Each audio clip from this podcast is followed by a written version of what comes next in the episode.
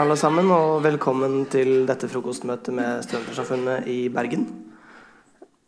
Hvorfor er det slik at hvis du hører ordet at du tenker på ordet sentralisering når noen nevner kommunesammenslåing? Synes du private barnehager er velferdsinnovatører, eller er de velferdsprofitører? Og hvem tok egentlig Frp ut av regjering? De retoriske virkemidlene brukes ofte i debatten for at saken skal vinkles til sin fordel, og ekspertene til å gjøre det her er selveste spinndoktorene. Retoriske mesterhjerner som terper inn politiske budskap i eh, politikernes hjerner. Og ja, Hvis du hadde hørt om Mr. Spinndoktor, så kunne det nesten vært navnet på en litt tacky James Bond-skurk på en 80-tallsfilm. Men er de spinndoktorene egentlig så skumle som de høres ut som? Så den neste timen her så skal vi titte litt på politisk spinning. Gir det noen vinning, eller spinner man det bare rett ut i tull? Så med oss for å se på det her, så har vi eh, postdoktor i strategisk kommunikasjon ved UiB og tidligere kommunikasjonsrådgiver for Arbeiderpartiet i Bergen, Magnus Hoen Iversen. Og eh, konsulent i Gelmøyden Kise, tidligere politisk rådgiver for byrådet i Bergen før byrådsbyttet i 2015, og bystyremedlem for Høyre, Chris Jørgen Røland. Um, Magnus, du har på en måte vært en slags uh, spinndoktor, og så er du jo også akademiker. Um, men du ser jo verken ut som edderkopp eller doktor. Takk. Så hva, hva, er egentlig en spinndoktor for noe? Um, altså Det korte svaret er jo at en spinndoktor er en som driver med spinn. Uh, altså en person som jobber med kommunikasjon. Da, da tenker vi ofte, som oftest på politikk, da, selv om dette kan gjelde alle slags områder. Og så kan du kanskje lure på hva er spinn? Spinn handler liksom, hvis du skal si det enkelt, så handler det om å få ditt perspektiv, da, eller din organisasjon perspektiv, inn i alle slags saker og sammenhenger. egentlig. Eh, og fortelle din fortelling om hva det er som egentlig skjer. da. Eh, et godt eksempel er jo kanskje det du nevnte i begynnelsen, altså regjeringsexiten til Frp. Og den enkle fortellingen der er på en måte eh, Slår du opp, eller blir du slått opp med? Eh, ikke sant? Er det den som blir, eller er det den som drar? Det ligger en slags makt i å være den som på en måte tar initiativet der. da. Som på en måte også har gitt kanskje den en egen dynamikk og latt Frp komme godt ut av det. der, kanskje. Mm. Um, Jørgen, Finnes det noen spinndoktorer i Norge? Du som er for så vidt også byrådsmedlem. Er det noen som forsøker å spinne deg, eller? Eh, ja? Altså, I Norge i dag så er det vel svært få som kan kalles for spinndoktorer. Men du har kanskje noen på statsministerens kontor, du har kanskje noen i de største partiene, og kanskje hos byrådet her i Bergen. Men vanligvis så er de som driver en politisk spinn, stort sett kalt for politisk rådgiver, og de er stort sett jobber med en del andre ting enn bare det strategiske og uh, kommunikasjonsmessige. Så det vil si at det er kanskje noen par, men du har en stor gruppe i Norge som har deler av det i sin jobbeskrivelse. Det er jo helt klart. Um, hvorfor, men hvorfor begynte man egentlig med det her med politisk spinning? Kunne ikke bare latt liksom, politikerne gått på scenen og så bare snakka helt selv uten å ha fått uh, terpa på hvordan man skal fremstå eller uh, formulere seg i forkant? Ja, altså Det har du sikkert hatt en drømmesituasjon. Men det, hvis, det er sikkert mange her som kjenner politikere. Og hvis du eh, skal være en politiker og du skal styre en by eller et land, så er jo det begrenset med hva tid du har til å sende ut pressemeldinger og svare på eh, 80 mediehenvendelser. Så ofte så er jo også denne spinndoktoren et hjelpemiddel i å eh, kunne yte effektiv politisk styring. Selv om det kan høres veldig skummelt og, eh, og, mørkt ut. Men det er jo egentlig ikke det. Det er jo bare å kommunisere et budskap som eh, enten fra partiets side eller fra politikernes side som er ønskelig. Mm. Eh, men mange er allikevel skeptisk til politikk politisk retorikk da, og sier at ja, vi kan jo aldri stole på det noen av de politikerne sier lenger. De prøver bare å snose under spørsmålet, eller så lyver de, eller svarer ikke i det hele tatt. Så har egentlig bare politisk spinning skapt måte, et vrangbilde av den politiske debatten? Nei, altså Det er både òg. Um, for hvis man spinner for langt da, og begynner å fornærme folks intelligens, da tror jeg man skaper en typen politikerforakt som på en måte du nevner der. da men um, hvis vi snur litt på det, så kan også liksom, å jobbe godt med språk politisk kan også være et utrolig bra og sterkt uh, verktøy. Og det kan liksom styrke folks forståelse av politikk og vanskelige prosesser. og den type ting. Det kan gjøre vanskelige sammenhenger enklere. Og uh, Du var kanskje litt inne på det i sted, men sant, hvis du setter en, en, skal jeg ikke kaste noen under bussen, hvis du setter en jevn uh, kommunepolitiker på en scene uten noe som helst, så er ikke alltid det som kommer ut, i liksom sånn Obama-kvalitet. på en måte. Eh, de trenger ofte litt hjelp. eh. Ja, ja, det er sant, det. Mm. og en ting er jo på en måte å eh, eh, få hjelp, og det høres veldig eh, skummelt ut. Men da tenke på f.eks. ta Jonas Gahr Støre, som er kanskje en av de dyktigste og smarteste folkene vi har på Stortinget. Men selv han har jo behov for å kunne spissformulisere seg for å nå ut til resten av samfunnet. Hadde han snakket sånn som han skriver, eh, og snakker med vennene sine, så hadde jo eh, kanskje halvparten av Norgesbefolkningen ikke skjønt hva han egentlig sa. Så det er klart at det er også et redskap, et demokratisk redskap for å få ut det budskapet. Men er det ikke slik at eh, spinndoktorene eh, egentlig bare prøver å få folk til å tenke positivt om politikerne sine eh, hele tiden og alltid måtte vinne neste saken? Og blir det ikke da på en måte at de skaper et slags type feilbilde av hva et parti egentlig mener, eller hva som faktisk eh, skjedde? Eller har man en slags sånn moral på at man alltid skal prøve å gjøre det rette som en spinndoktor? Sett her kanskje litt her, men Det var, en, eh, ja. det var en talende latter der. Men eh, nei, altså eh, Ja, selvfølgelig. Selvfølgelig. Alle Men altså sånn, vi må utvide perspektivet litt også, da. Hvis jeg får spinne litt på den. Så, eh, så er det sånn, ja, selvfølgelig, eh, de som jobber med kommunikasjon for partiet, det er jobben deres å stille partiet i et best mulig lys, og kanskje motstanderen i et litt dårligere lys eh, til enhver tid. Eh, samtidig så er dette noe alle gjør. Alle gjør det, Ikke bare politikere. Eh, mennesker gjør det også. ikke sant? Hvis, eh, hvis jeg har vært på byen og vært i slåsskamp, kommer med sånn blått øye og sier ja, du skulle sett han andre. ikke sant? Og, altså, sånn, dette er, det var et dårlig eksempel, men det er noe alle gjør hele tiden. Og så kan man si eh, Ja, nei eh, du kan, du kan selvfølgelig liksom til enhver tid bite det fast og liksom insistere veldig på ditt perspektiv, men det er ikke så veldig tillitsbyggende. da. Så Man må jo finne en balanse mellom det som er på en måte front, fronte dine saker, versus det å, liksom, å være troverdig. da. Eh, og så er det jo heldigvis sånn at vi bor i et land med ganske mye god journalistikk. Og den type ting. Og det lønner seg ikke å, å snike. da. Det lønner seg ikke å lyge eksempel, i Norge. og Det lønner seg ikke å Stort sett så lønner det seg ikke å være umoralsk. da. Nei, sånn som når man går på T-banen og ikke har betalt billett, eh, som Jonas Gahr Støre gjorde. Ikke er så lurt. Nei, ikke så lurt. Um, men det er jo ikke som du sa, det er ikke bare politikere som spinnes også. Du jobber jo for Gamer Uden kise. Uh, det er en slags type spinndoktor, men ikke bare for politikere. Hva er det du driver med der? på en måte? Ja, Det er jo et godt spørsmål. Uh, men veldig mange av våre kunder er jo da eh, private selskaper eller organisasjoner, eh, ofte internasjonale, som har behov for kontakt med norske politikere eller embetsverk. Eh, og da er jo klart at vi eh, hjelper jo disse selskapene med å utvikle strategier og budskap som er tilpasset det norske samfunnet. For det er ofte det vi har. Vi har en samfunnsforståelse som vi eh, selger på markedet. Eh, og og det, er, det består jo mye det samme som politisk spinn. For du snakker om budskap, og du snakker om timing og du snakker om rolleforståelse. Men på samme måte som politikere burde være redelige og snakke faktabasert, så er det også vårt fremste råd til våre kunder er at du er nødt til å snakke kun fakta, eh, og du er nødt til å ta kontakt direkte. For eksempel, jeg vil jo aldri ta kontakt på vegne av eh, Uber, for eksempel, som er en av våre kunder, eh, med en stortingsrepresentant, men jeg kan fortelle hvem man skal ta, ta kontakt med, og hva man burde si. Og Det er jo en stor forskjell. Og det er litt gøy, fordi det peker jo på én ting som på en måte, som kanskje ligger litt i introduksjonen her også, er at eh, PR-rådgivere, spinndoktorer, folk som jobber med språk og kommunikasjon og politikk, framstilles ofte som litt sånn skitne. Mm. Eller de, vi har litt sånn dårlig rykte i offentligheten, kan du si. Ja da, Vi ble jo fremstilt som mørke menn, og det er jo litt velfortjent òg. For en del av mine kolleger i PR-bransjen driver jo med en del shady business. Eh, men- Hva slags shady business? For Nei. å spørre om det. Nå, eh, mitt selskap jeg jobber for, har jo helt åpne kundelister. Ja. Eh, og hvis ikke vi hadde hatt det, så hadde jeg ikke lyst til å jobbe der. For du er nødt til å kunne ha måte, litt ryggrad, du må kunne vise til alt du har gjort.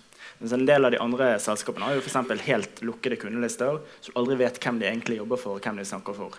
Så det er en helt annen måte å jobbe, for, jobbe på.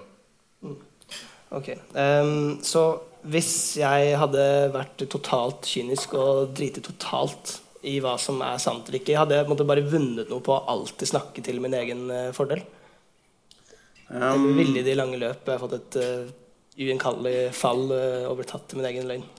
ja, altså det, det, det er en sånn tradisjonell visdom at det, det er mye bedre å være smart på lang sikt enn kort sikt. da. Um, så liksom sånn, det som kan virke som veldig sånn smarte triks og knep uh, til liksom den nyhetssaken skal komme neste dag, kan jo vise seg å være veldig dumt da, hvis man ødelegger forholdet til journalisten eller ødelegger forholdet til redaksjonen. eller ja, gjør en fiende av mediene på en eller annen måte. da. Mm. Iallfall i en norsk kontekst. da, men så, så, kan jo jeg sitte her og si dette, men så har vi jo eksempler ute i verden på at det ikke helt stemmer. Det går helt fint an å gå til krig mot mediene og si egentlig hva du vil. Eh, så lenge du har på en måte mobilisert din gjeng. da. Mm. Eh, USA kan jo kanskje brukes som et eksempel her. For eksempel, ja. ja så eh, jeg håper, og så håper jeg at jeg ikke er naiv, at det funker ikke så bra i Norge. Nei, vi får se. Altså, fordi man ser jo at uh, det har vært en fremvekst blant partier som kanskje har en uh, mer spissformulert uh, retorikk. da så har måte, den politiske spinningen bidratt til å hjelpe populister til å vinne frem eh, i politikken? Ja, eh, altså Jeg ville ikke forklart hele liksom, framveksten av populisme med spinn eh, alene. Men det er jo klart det er et element av det som kanskje bidrar. Eh, du kan kanskje skyte inn litt her, men ikke sant? poenget kommer tilbake til det hvis du begynner å fornærme folk sin intelligens. da. Eh, hvis du kaller noe for nærpolitireformen, men folk opplever at altså folk opplever det motsatte, da, at lensmannskontoret legges ned, og den type ting, så kan jo det bidra til et slags sånn sinne mot sant, eh, politikere generelt. At de bare sier noe og gjør noe annet. De sa at det skulle bli en nærpolitireform, så legger de ned kontoret. Som da kan kanskje danne grobunn for en mer distriktspopulisme, kanskje. Mm. Ja, man er jo... Altså, det er klart at Medielandskapet vi ser nå, med, de har kortere deadlines, de skal eh, skrive kun i overskrift og bilder. Det er liksom ikke plass til de lange resonnementene. eh, hvis du ser på det og kobler det til populisme, så er jo det veldig fordelaktig for de populistiske partiene. For de har jo gjerne ofte ikke så lange utredninger og resonnementer. Det er ofte snakker i store ord og bilder, og, og i, i, den forbindelse er jo den utviklingen vi ser, eh, positiv for dem.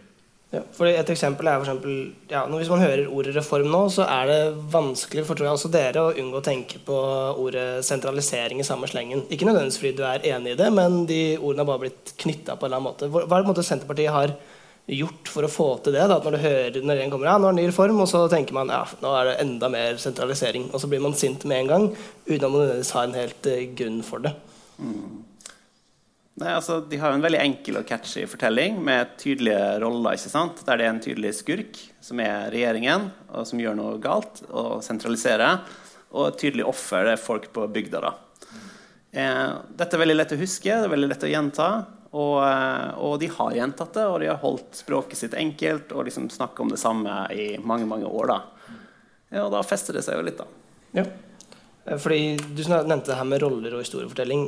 Har liksom noe med det at liker vi å se på en måte de forskjellige typer rollene på en scene og se et litt enkelt bilde eller følge en type historie? Ja, absolutt. Altså, all forskning viser at mennesker tenker litt sånn i historier. Og vi blir veldig på en måte stimulert av historier. Hvis vi hører begynnelsen av en historie, så skrus det deler av hjernen på da, som på en måte vil høre resten og vil høre slutten og vil på en måte ha closure. da. Så det å tenke i fortellinger og tenke i roller er veldig lurt. da. Eh, ikke minst fordi mediene også har sine fortellinger. Når en journalist lager en sak, så leter man jo ofte etter en ekspert, en helt og en skurk, f.eks. Eh, men dette jobber jo også du ganske tett med, gjør du ikke det? Så kanskje du kan... Ja, altså Veldig ofte når vi eh, får nye kunder, så går vi inn og plasserer inn dette såkalte rollehjulet vårt. Eh, og du har gjerne ett rollehjul for den de er når de kommer til oss. Da er de ofte en skurk. veldig ofte. Og så prøver jeg å posisjonere de inn da, på en annen retning. Type, enten som eh, en faktaekspert på sitt fagområde.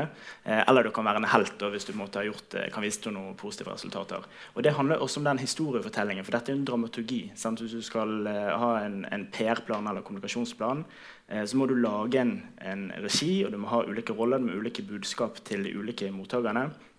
Og det som du glemte i å si, at eh, Grunnen til at Senterpartiet gjør det ganske bra i sin populistiske retorikk, er fordi de spiller på følelser. Og de får folk til å kjenne seg igjen i de karikaturene de lager. Og det er jo ganske effektive virkemiddel. Hvis du klarer å få publikum til å eh, kjenne seg igjen, så er jo ganske mye gjort. Så, hvordan ser måte, et sånt uh, rollehjul ut når det kommer med kundene deres? Nei, altså, vi, Det er jo helt standard. Da, men det er jo på en måte, du har, eh, du har helten, så har du eh, faktaeksperten, så har du skurken, og så har du utfordreren.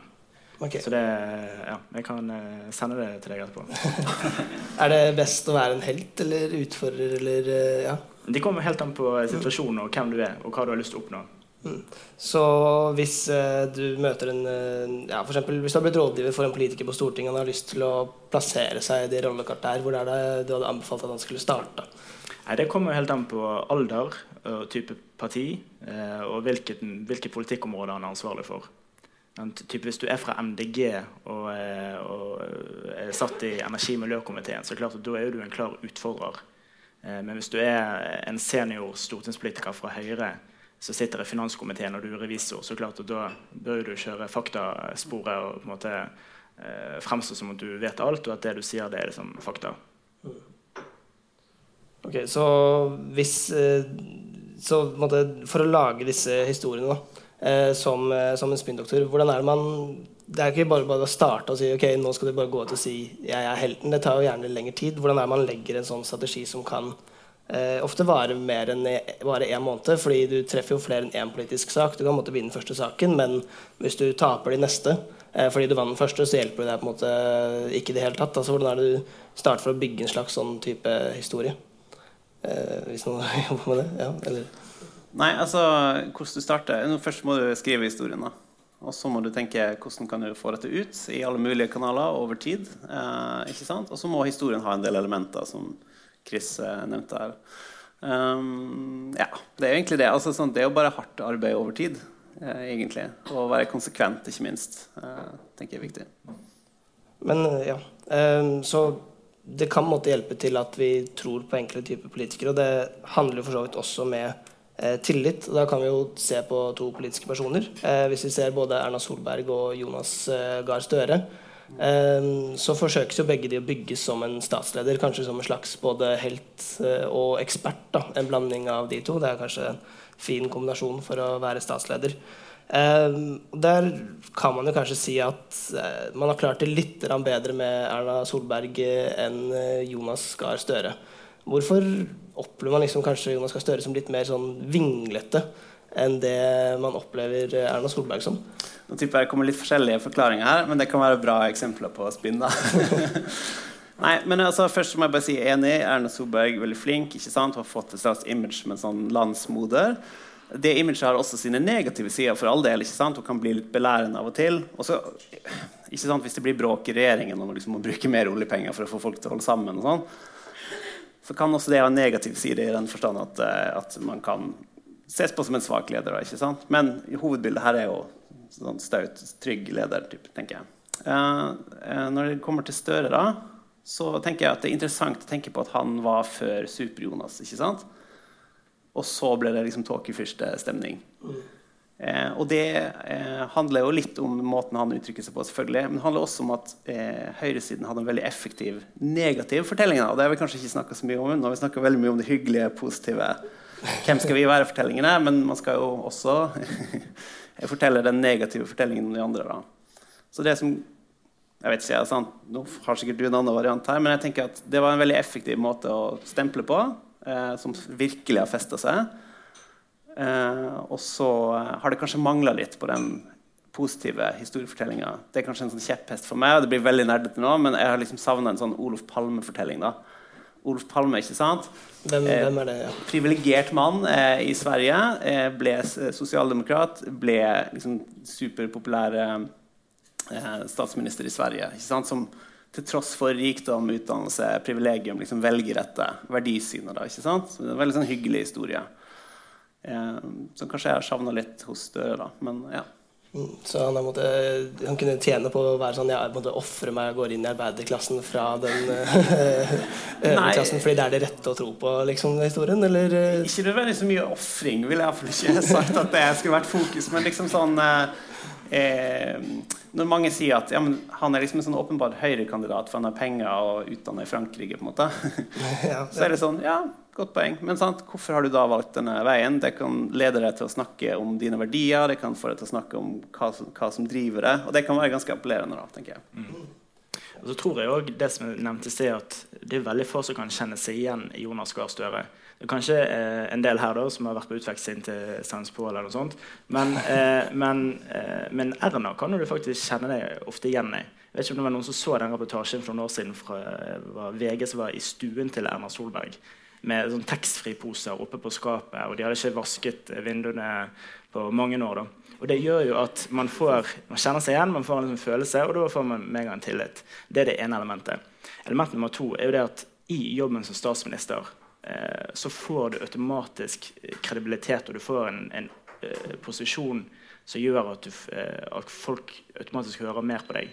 Så den kombinasjonen tror jeg har vært ganske effektiv eh, i å bygge opp Erna. Da. Og så er Det klart at eh, det er jo flinke folk som bør høre, så det er klart at de har gjort en god jobb.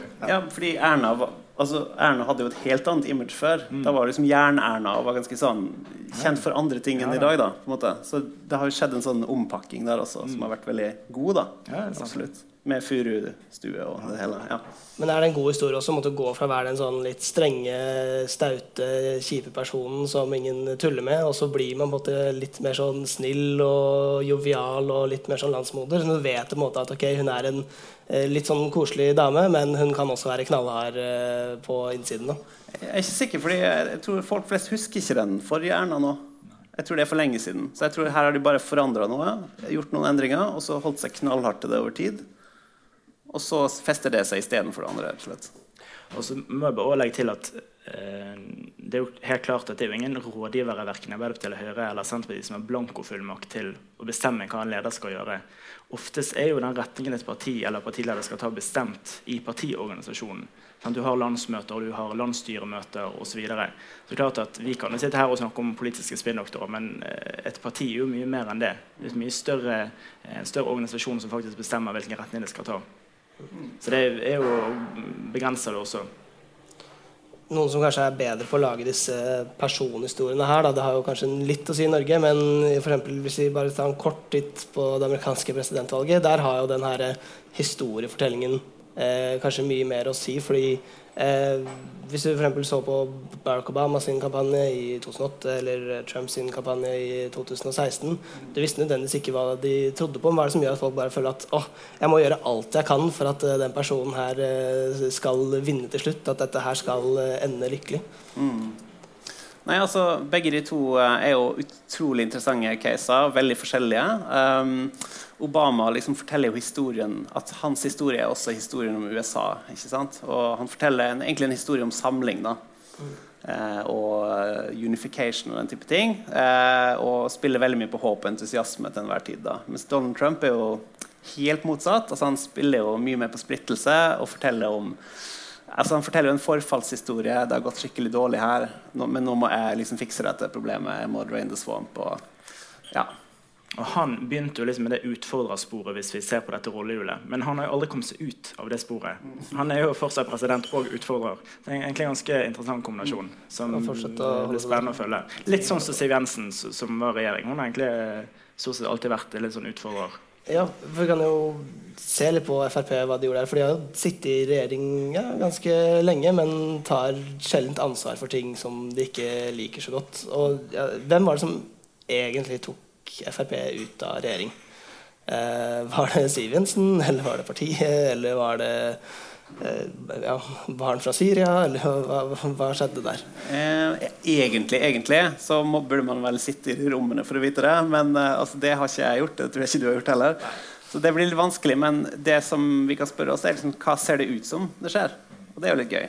Og det ser jo ut som Siv eh, Altså De som følger veldig tett med det, ser jo at det skjer et slags skifte. Det går liksom fra vi skal komme med en kraftig kravliste skikkelig sånn sinna, ikke sant? til plutselig bare Nei, vi gidder ikke det engang. Vi bare kjører på. Eh, men jeg tror hvis du på en måte undersøker dette i befolkningen nå, så tror jeg oppfatningen er at Siv Jensen gjorde dette. Det er liksom det som har festa seg mest da, i ettertid. At liksom det var hun som tok kontroll og tok de ut. Og så er det sånn Er det sant? Sikkert ikke helt sant. Men det er det som har på en måte fester seg. Mm.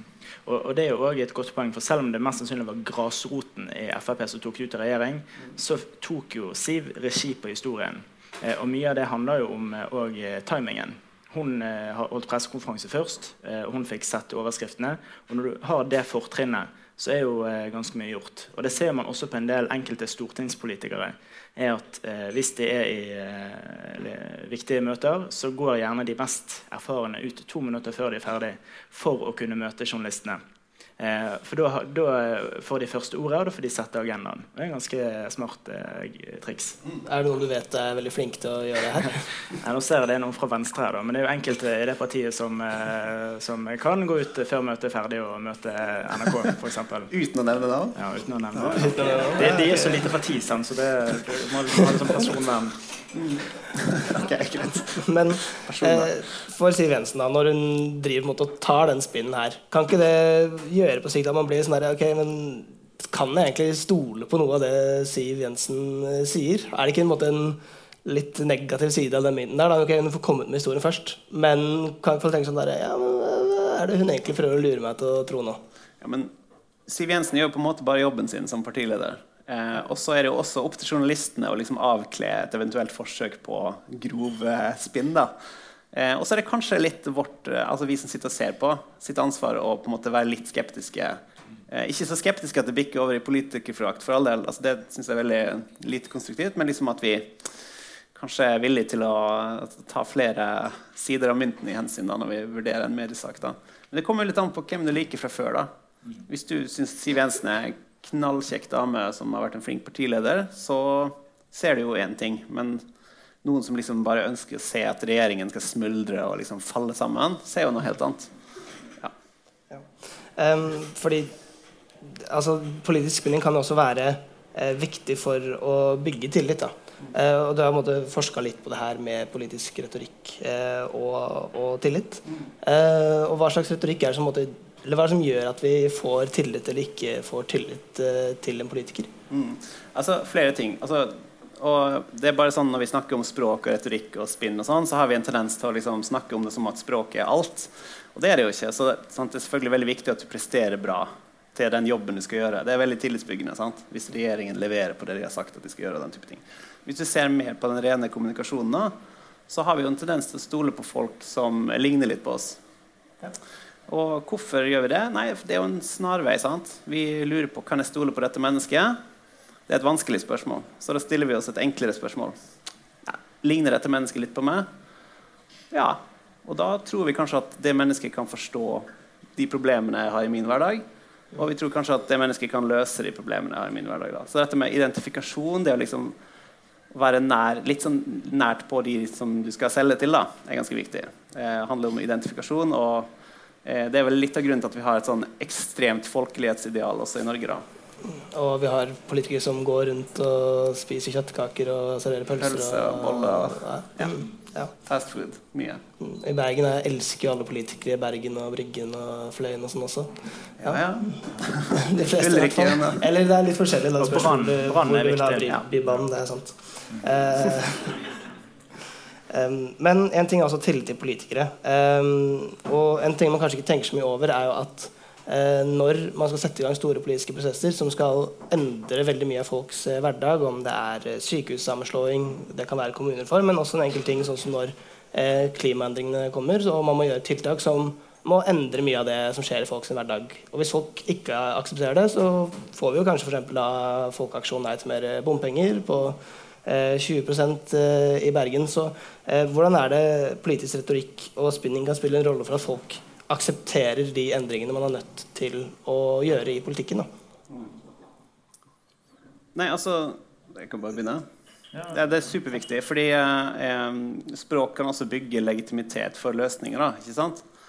Eh, og det som er på en måte kanskje en litt sånn sykdom i norsk politikk, hvert fall, det er at eh, politikere, pga. måten politiske partier er satt sammen på, bruker lang tid på et politisk forslag som skal løse et spesielt problem. Alle tenker veldig mye på denne løsningen. ikke sant? Knar løsningen, kommer fram, presenterer løsningen for offentligheten. Og så er det alle har glemt problemet som løsningen skal løse.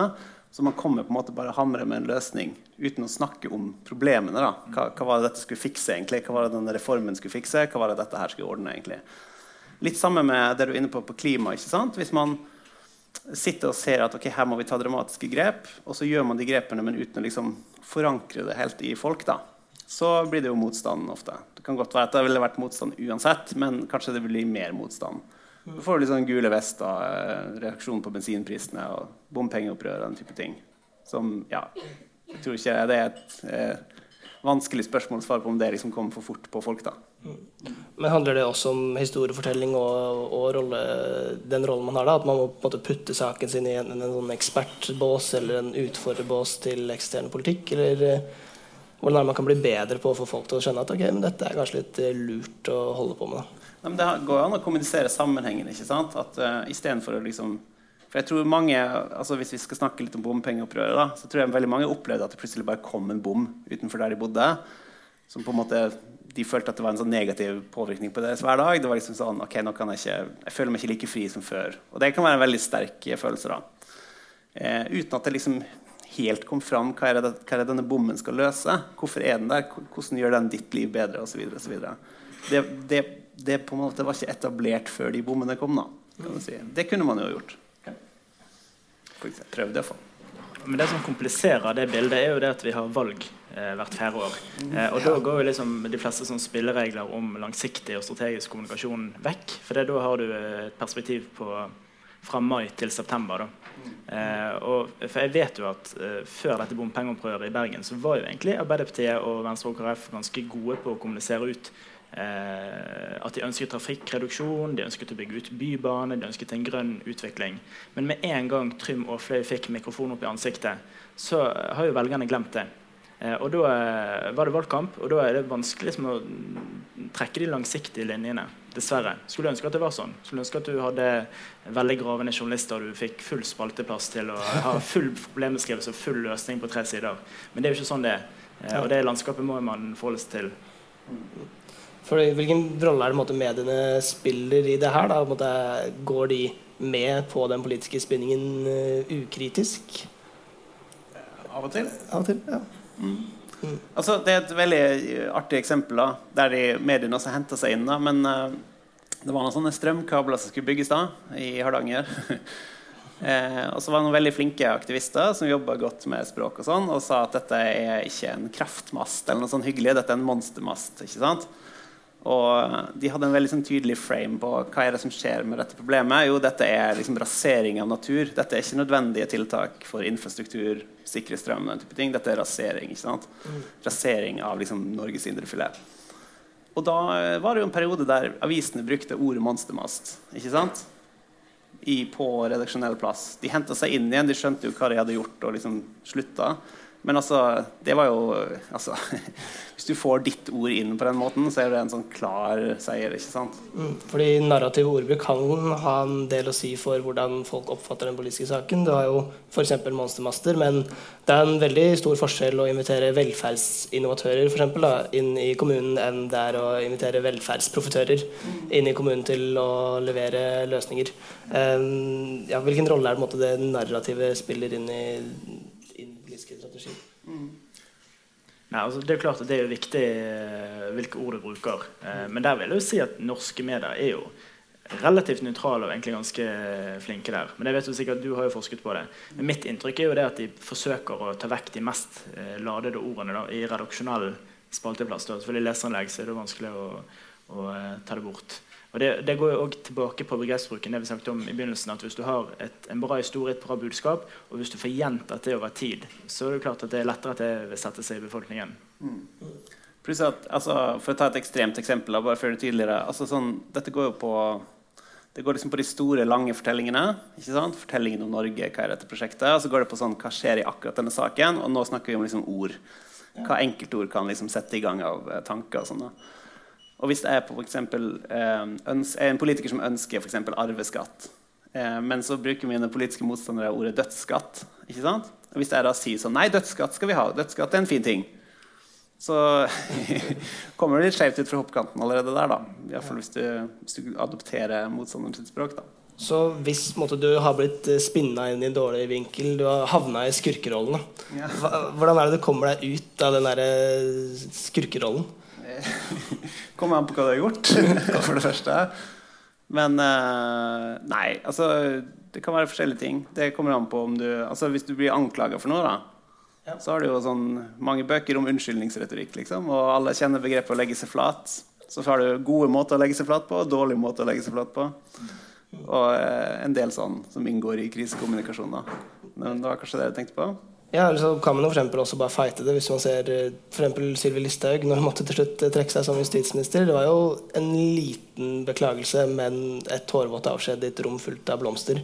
Eh, så det er kanskje noen som er bedre på det her enn andre. da. Altså, jeg vet ikke om det er en anbefalt strategi. Er det best å bare la seg legge seg flat, eller kan man binde opp og bare benekte at jeg har ikke gjort noen ting galt, og eh, folk eh, bare liker meg ikke, og det er derfor eh, jeg blir hakka på? Det kommer an på hva du skal gjøre. sant? Altså Det Sylvi Listhaug er veldig flink til, er å liksom snakke, snakke veldig bra til sine. da. Mm. Og, eh, og, er flink til å mobilisere dem, er flink til å gi dem energi og bensin. ikke sant? Eh, så uh, hvis, hvis, målet ditt på en måte ikke er å bli minister videre, men liksom skal for, styrke posisjonen din og ha en god på en måte, utgang fra jobben, ja. så uh, kan det være bra å være sta. Og sånn. Men hvis hennes mål hadde vært liksom, nei, jeg har faktisk lyst til å fortsette å være justisminister, og at dette her eh, skal gå fint, så kunne hun nok ikke gjort det. Da hadde ikke det gått bra. Man vant jo kanskje litt i lang sikt. Hun fikk jo sitte som minister i 32 dager. Uh, ja, altså, etterpå, men, du, har, du, ja. du har jo gode og dårlige konsekvenser for alle. Ja. her, Det er jo bra for Sylvi Listhaugs image, kanskje. Og så kanskje det var litt dårlig for Frp. Kanskje det var litt dårlig for samarbeidet Venstre-Frp. Osv. osv. Så, så du har liksom problemer på systemnivå kan oppstå av at én person er veldig veldig god på det de gjør. da. Og Sylvi Listhaug er egentlig et ganske godt eksempel på det, fordi hun er så utrolig god til det hun gjør, men så skaper hun problemer på lang sikt. da. For samarbeidspartier, for klima, for personkjemien osv. Og, så og så man, i det lange perspektivet, hvis uh, du på en måte vil ja, bli en populær figur, så er kanskje ikke det den rette uh, veien å gå, eller? Ja, det kommer jo litt an på det. det an på, ja. Uh, fordi hvis jeg har veldig, veldig lyst til å bli statsminister for Norge, og jeg driter egentlig i hva jeg skal mene, eller hvilket parti jeg er med i, eller hva jeg sier, det eneste jeg har lyst til, det er å bli statsminister. Uh, hvis jeg hadde ansatt dere som mine PR- eller spinndoktorer, hvilke råd er det dere hadde begynt å gitt meg da for at jeg skulle endt opp i statsministerstol? Kan jeg spørre hvilket parti du har? Nei, det er helt irrelevant. Jeg driter i hva jeg skal mene. Start et, nytt, start et nytt parti, kanskje? Ja, start et nytt parti. Okay, ja. Har du lyst til å begynne, Chris? Ja, altså først må du, har, de, har man startet et eget parti, eller? Ja, vi sier det. Ja, vi starter et helt nytt parti. Okay. Du må få deg et program, da. Uh, først og fremst. Så ville jeg gått inn og sett på samfunnstrendene. Uh, sett hva folk var opptatt av.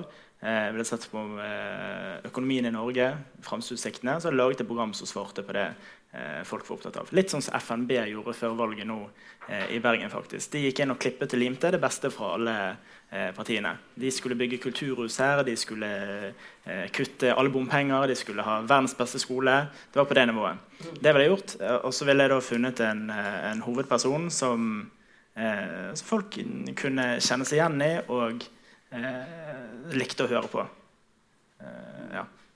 Vi hadde begynt der, i hvert fall. Det er gode, gode ting. FNB klarte jo å få mye, ganske mye popularitet uten det programmet også, til å begynne med. Men ja, selvfølgelig Folk leste programmet for Stavanger først, for det var ja. det som lukta det Ja, det er sikkert fint, det. Men eh, nei, jeg tenker at først, det første du må vite, er hvem du skal selge til. Ja. Sånn, hvem er dine folk? Og så må du uh, ja, se på hvem er disse menneskene, hva opptar de? Kanskje snakke litt med dem. Undersøke dem kvantitativt. og så må du finne ut hva, som, hva, hva er deres største problemer i hverdagen og så skal du begynne å snakke om de problemene. Og så skal du bruke et språk som de bruker, og så skal du kanskje bruke klær som de vil på en måte, ja, ja, han er litt sånn som oss.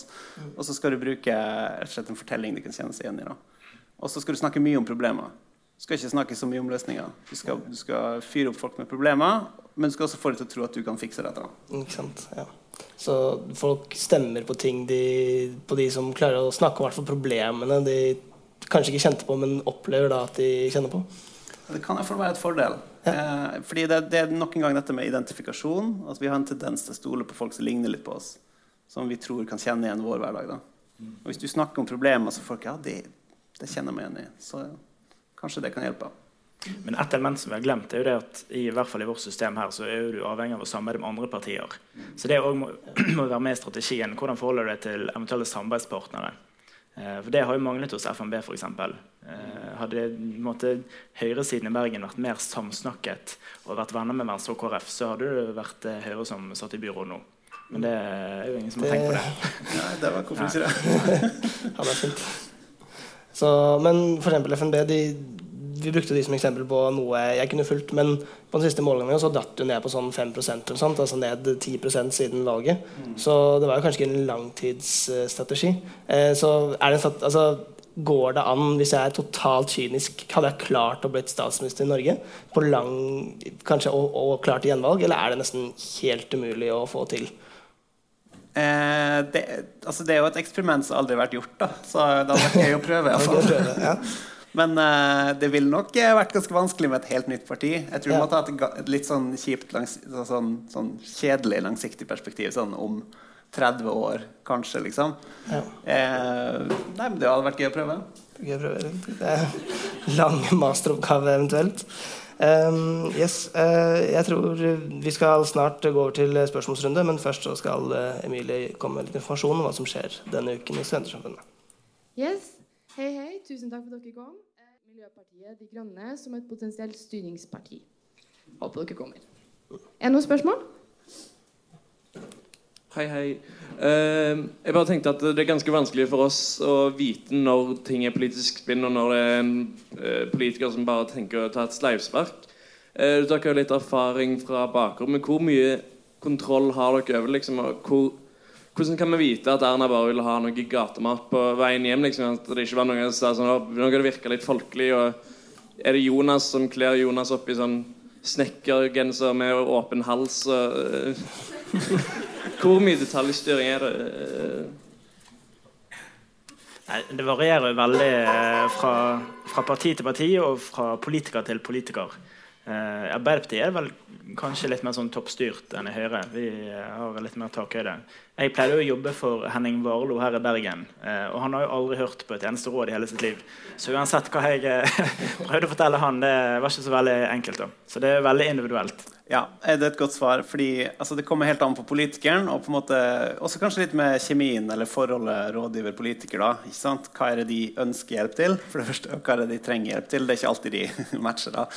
Men eh, nei, noen eh, liksom er på en måte, Man kan få gode rådgiverforhold, og så andre kan være helt umulig å styre. Sant? Du gir dem liksom dette vil være en bra linje, så sier de noe helt annet uansett. Men det kommer helt an på det. slett. Men jeg vet, jeg vet, ikke hvem som bestemmer hvem som gir han den genseren. Altså, men beklager. ja, eh, Det er litt flaut, fordi jeg har to spørsmål. Men jeg skal prøve å eh, formulere meg kortfattet, og så kan dere velge hva dere vil svare på. Eh, det første går litt ut på det som ble stilt tidligere. Men mye av PR og lobbyisme det henvender seg jo også til myndighetspersoner og til politikere. Og Dagens Næringsliv kommer jo med en med gravejournalistikk i høst, der de avdekket at uh, mange medlemmer uh, av Arbeiderpartiet, Høyre, Venstre osv. ble utsatt for lobbyisme uh, kjøpt og betalt av Sjømat Norge i forbindelse med grunnrenteskatt for havbruk. Og det er jo litt sånn, Jeg tror jo da at de med store apparater på Stortinget, i regjering osv vet når de utsettes for lobbyisme og ikke. Men det tror jeg ikke et menig medlem på et fylkesårsmøte gjør. Eh, så jeg lurte på om dere kunne si litt om sånn, hvor mye dere opplever at folk som ikke aner at de blir utsatt for lobbyisme, blir utsatt for det, og hvorvidt dere anser det som et demokratisk problem eller ikke. Og så For det andre eh, så snakket dere jo litt om på en måte det at Sånn Chris sin jobb i GK er liksom å fortelle internasjonale selskaper hvem de skal henvende seg til. og sånt. Uh, men vi vet jo også at PR- og lobbyismebransjen til en viss grad uh, fungerer som en svingdør for, mellom, ja, for journalister, for politikere osv. Så man kan jo vri og vende på det til at det kan potensielt være en utlevering av personlig kontaktnettverk eller kontaktnettverk i partiene. Hvordan ser dere på dette? Mm. Skal jeg begynne? Eh, for det første så kaller ikke vi det lobbyisme i Gelman-krisen. Vi kaller det medvirkning i åpne politiske prosesser. Eh, det er viktig. Eh, eh så, men altså, 100 av informasjonen jeg bruker i jobben min, er offentlig informasjon. Som hvem som helst med en bachelorgrad kan eh, bruke. Eh, forskjell er det at vi setter den informasjonen i system Eh, og videreformidler den til eh, våre oppdragsgivere. Eh, og Du kan jo kanskje si at altså, folk i et fylkesrådsmøte i et lite parti de kjenner kanskje ikke til hvordan bransjen jeg er en del av, opererer. Det er helt sant. Men om de får et faktanotat på én side fra, fra Kumeierien eller Bergans, som begge er store kunder av oss, eh, som handler liksom om skattepolitikk, så tenker jeg at det må være helt innenfor. Nei, altså Lobbyisme altså, Det er veldig bra at du tar det opp, for at dette er sånn PR-bransjen, kommunikasjonsbransjen, lobbyistbransjen De skulle litt inn i hverandre. Eh, jeg tenker at Det er veldig mye vi ikke vet om den. At vi trenger mer det er veldig sånn forskete sagt da. Men vi trenger litt mer kunnskap om den. egentlig, fordi, eh, Men ikke minst trenger offentlighet mer kunnskap om det. sant? Vi trenger bedre lobbyregistre. Vi trenger å vite hvem som jobber for hvem og når. Og jeg, jeg, vet, jeg får litt sånn vond smak av, uh, av sånn intens lobbyering mot liksom, de folka på gulvet på et fylkesrådsmøte. Det gjør jeg altså. Som person så gjør jeg det. Um, så det er et eller annet der. Ikke minst så på en måte, Det er liksom med de, de som på en måte bruker svingdøra, da, som går fra politikk til kommunikasjon tilbake. og litt sånn, Jeg tror de er nok profesjonelle og skjønner liksom grensene og har ulike hatter i skapet osv. Men uh, dette her ser utrolig kjipt ut utenfra. Og det må man på en måte bare anerkjenne at dette ser bad ut. Uh, og det, hvis det ser så bad ut, som jeg mistenker at det gjør for mange, så ser det ut som en sånn sammensausing uh, som er uheldig, og det kan skade folk sin tro litt på demokrati. Da, tror jeg. Så det er et par sånne veldig problematiske ting der som vi må snakke om. Selv om vi også selvfølgelig skal huske at altså, sånn, av og til kan det være et sånn one sheet fra kumeieriene om ja, det som er viktig for de. Det er liksom litt mindre problematisk. da. Mm. Og jeg er helt enig at Mer åpenhet vil jo løse mange av utfordringene. Vi ønsker i hvert fall det hjertelig velkommen. Absolutt. Vi vil gjerne komme her og fortelle hvordan vi jobber. Det kan være neste, neste møte. Kan du invitere First House også? Kan du høre hvordan de jobber? For de er mer kjedelige enn oss. Ja. Men så det, det PR-byråen selv, er det først og fremst da kontaktnettverk også, eller er det liksom Nei, det er jo en samfunnsforståelse. Ja. Det er jo rett og slett kunnskap om hvordan dette landet fungerer. Eh, Det er jo sånn det er. Og veldig ofte så istedenfor å gå på fylkesårsmøte, så går vi heller til byråkratene eh, og leverer de faktainformasjon i en høringsrunde. Eh, så, og vi har også en undersøkelse annethvert år der vi spør stortingspolitikere hvordan de opplever PR-bransjen. Og størstedelen opplever faktisk også som et eh, på en måte positivt supplement. Altså at vi gir dem faktainformasjon som de har behov for til å gjøre sin jobb. Så det er jo òg et annet aspekt, egentlig. Noen flere spørsmål i salen? Ja.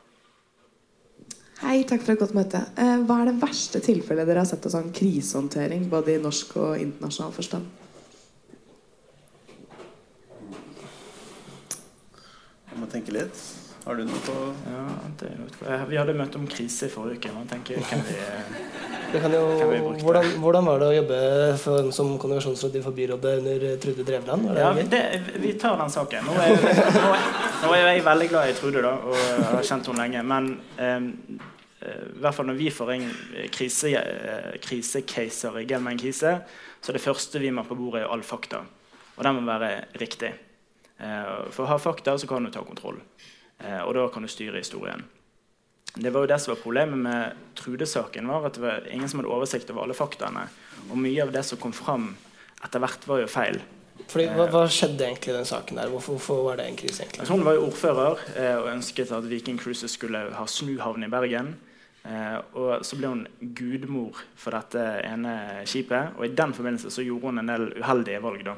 Eh, blant annet så deltok hun på noen reiser og, og fikk tilbud om eh, en feriereise som hun senere takket nei til. da. Eh, så det var jo på en måte den saken. Og det ble, var veldig rotete. Eh, og det var ingen som helt visste hva som var sant, og hva som ikke var sant. Og spørs om hun vet det, visste det sjøl en gang. Eh, så det er klart, det er jo et veldig dårlig eksempel på, eller er et godt eksempel på dårlig krisehåndtering. Spørre, når, når skjønte dere dere som satt der, når skjønte dere at dette, nå er det krise? For er Ofte Nei, så skjønner man det litt, litt for sent. da. Ja da, det går, eh, men det gikk ganske fort opp for oss at dette var ganske alvorlig. da. Ja. Da har det allerede skjedd Og da flydde jo de inn eh, folk fra Oslo fordi vi i Bergen ikke var flinke nok. Eh, det, det hjalp jo ikke så veldig, det heller. da. Eh, gikk Det er jo greit, å vite. Ja da, det gikk jo så det gikk. For da havner man jo litt i den der skurkerollen. da er det mulig å komme seg ut, eller må man bli litt mindre skurk enn det Hun har jo gått litt over i offerrollen da, etterpå. Eh, og så kan man på en måte si om det har vært eh, suksessfullt eller ikke. Men, Nei, altså Det er klart at det er mulig. Altså sånn, Hvis du spør folk på gata nå hvem Trude Drevland er, så er jo hun en hyggelig, hyggelig person i Skal vi danse og sånn. Eh, så hun har hatt en slags reise der, det vil jeg absolutt si. Og jeg tror veldig mye av det begynte med den pressekonferansen som ble holdt. Som var på en måte eh, Og den var interessant, da, for den var eh, Hun ble bedt på en måte da, av samfunnet om å forklare seg med et offentlig anliggende, og så blander hun inn veldig mye sånn privatsaker. Da, ikke sant? Det har vært et vanskelig år for meg. Det har vært dager der jeg ikke husker noen ting, osv. Og, så videre, sant? og da kan man være utrolig kynisk og si ja, men and so what? ikke sant? Skal du ikke gjøre jobben din? Men poenget er at eh, det å vise følelser på den måten da, gjør ofte at du kan bli tilgitt også. Det er mange eksempler på opp gjennom historien. Nixon var god på dette. Eh, ble tilgitt for liksom sånn snusk med valgkampkassa og sånn, fordi han fortalte en sånn tårevåt historie om en sånn hund de hadde fått, som de i hvert fall ikke ville gi fra seg, selv om det var en gave. ikke sant? Eh, og det funker litt eh, av og til, da. Ja, også, ja, Trond Giske og Per Sandberg også har hatt kanskje noen av de samme historiene der. Så det er, er det kanskje lettere å prøve å da hoppe over i offer- offerrolle, og så kan man etter hvert kanskje bli en liten utfordrer da, fra den offerrollen. eh, Ja. Eller enten offer, eller at du bare, liksom, du, du bare ber så innstendig om beklagelse og angre og hulke og vise følelser.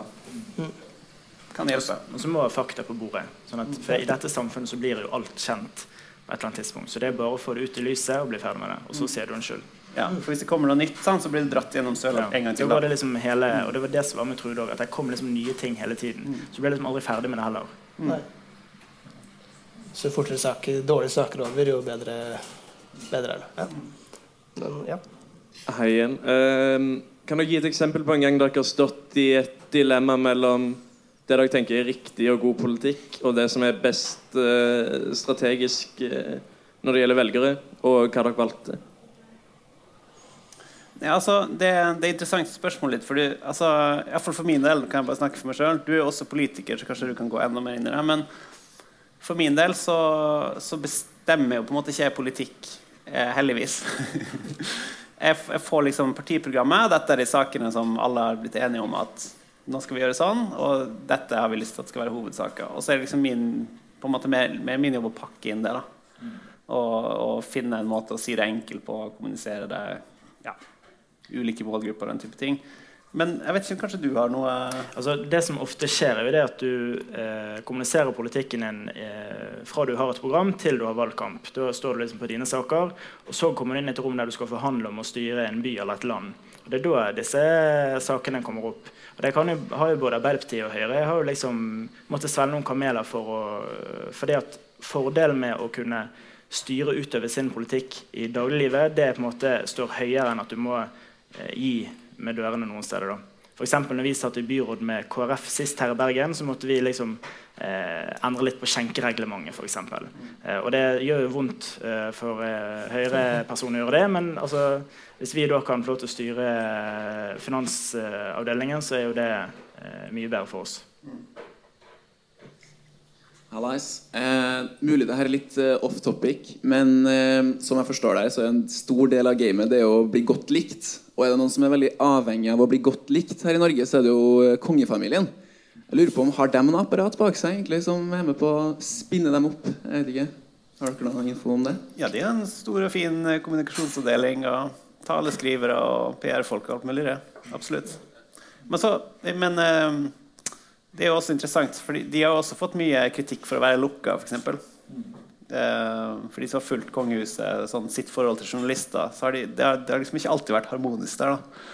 Så ikke alle som har vært helt fornøyd med deres pressehåndtering heller. Da. Men, det, men de, har, ja, de har absolutt et apparat. Det har de. Og det er jo blitt åpnere nå enn før. Altså Med det nåværende kronprinsparet så legger de opp til en helt annen seanse enn det det tidligere har vært gjort. Men det er jo òg et krav fra samfunnet, sant? for det er jo offentlighetens midler. Så da må du kunne må jo Dagbladet da, se på kvitteringene på hva de har gjort på Skaugum. Det er helt, eh, helt fair. Da tror jeg vi kan eh, runde av eh, for i dag. Så få takke for at dere kom, og så takk for at eh, dere kom. Og så håper jeg vi ses igjen neste uke, til tross for at det er leseuke.